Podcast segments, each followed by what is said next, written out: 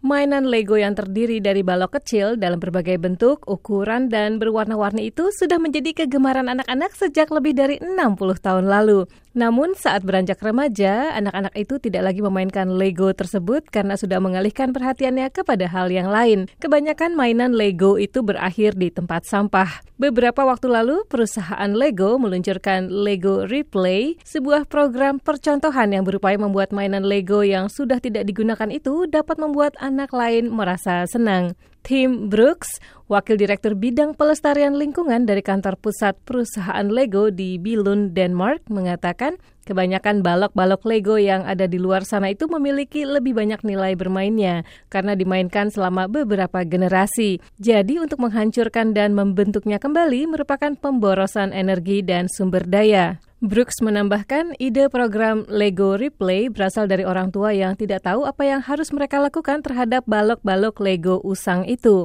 Teman anak mereka tidak menginginkannya dan tidak setiap kota dapat mendaur ulang mainan tersebut. Membuang balok-balok Lego itu ke tempat sampah bukanlah solusi yang baik. Burung-burung dan satwa liar lainnya mungkin dapat memakan balok-balok itu karena warnanya yang menarik dan akhirnya berakibat fatal.